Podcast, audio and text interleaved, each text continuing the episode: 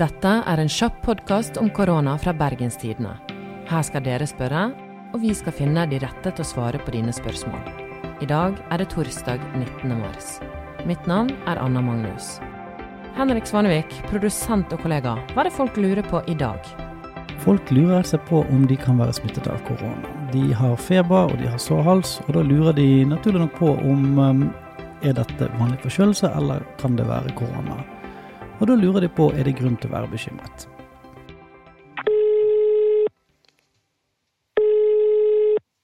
Dagrun, Ja, hei. Jeg er ikke sikker på om vi får det til, dette her. vi satser på det.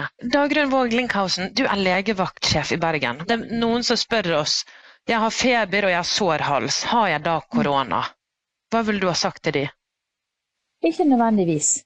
Eh, Det som er kardinalsymptomene på korona, det er hoste, og så kan det være feber, eller det kan være luftveissymptomer til tungt å puste. Det er de tre kardinalsymptomene. Men så kan jo det begynne med andre forkjølelsessymptomer, selvfølgelig. Med eh, litt sår hals, og det kan også være snue, og det kan være litt i bilene. Og det kan være litt hodepine, og det kan være litt verk i kroppen, men det trenger ikke nødvendigvis være korona. Eh, Det kan være en forkjølelse, det kan være en influensa, eller det kan være et eller annet luftveisvirus som ikke har fått eget navn. Hvordan er det nede på legevakten i dag? Eh, Det er ganske intenst, for vi gjør eh, litt ombygginger her for å ta imot eh, pasienter som har luftveissymptomer hvor vi kan mistenke korona. Så vi har laget noen egen vei gjennom legevakten med tanke på det. Ellers begynner vi å få kontroll med situasjonen når det gjelder innringing. Altså Vi har bemannet opp legevaktsentralen, og nå har vi også åtte operatørplasser. Eh, Og når alle åtte plassene er betjent, og det klarer vi nesten hele dagen nå, så har vi, kan, har vi akseptabel ventetid på telefonen. Men hva er det folk lurer på når de ringer dere? Eh, Det er veldig forskjellig. Noen lurer jo på om de kan, ha, om de kan være smittet av eh, covid-19.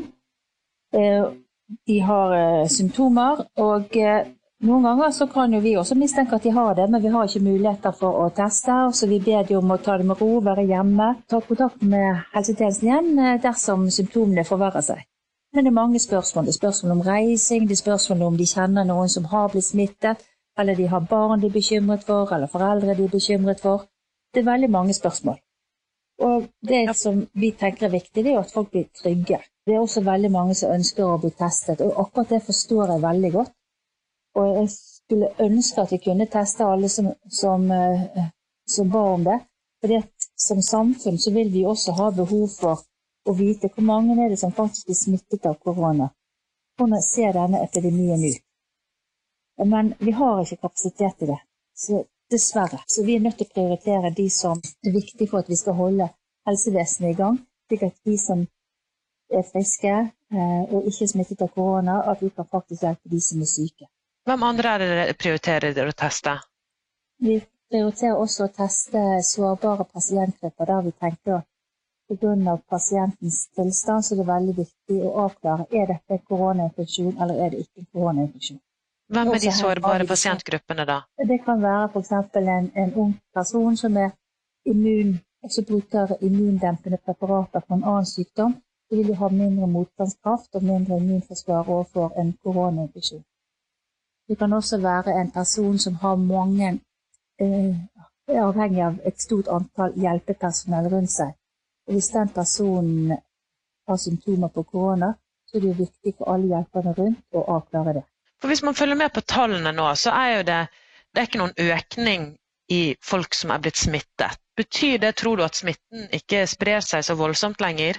Det er faktisk litt vanskelig å si. For nå har jo vi, eh, vi startet jo med å teste de som hadde symptomer, så testet vi nærkontakter til de som hadde symptomer. Og da var det mange som hadde blitt smittet kan du si, av sine nærmeste som de hadde vært sammen med. Så endret vi strategi fordi at eh, kapasiteten er som den er, og at vi ønsker at helsepersonellet skal være på banen.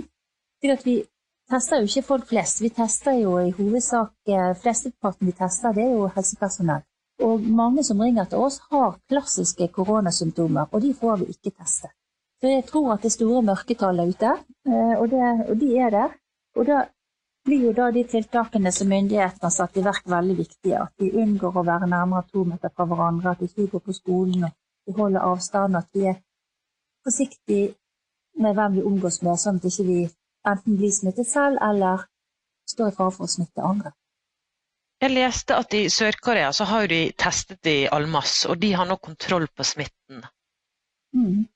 Hadde det hjulpet oss, tror du, hvis vi hadde testet flere? Ja, det, det er jo alltid et vanskelig spørsmål å svare helt sånn ja eller nei på.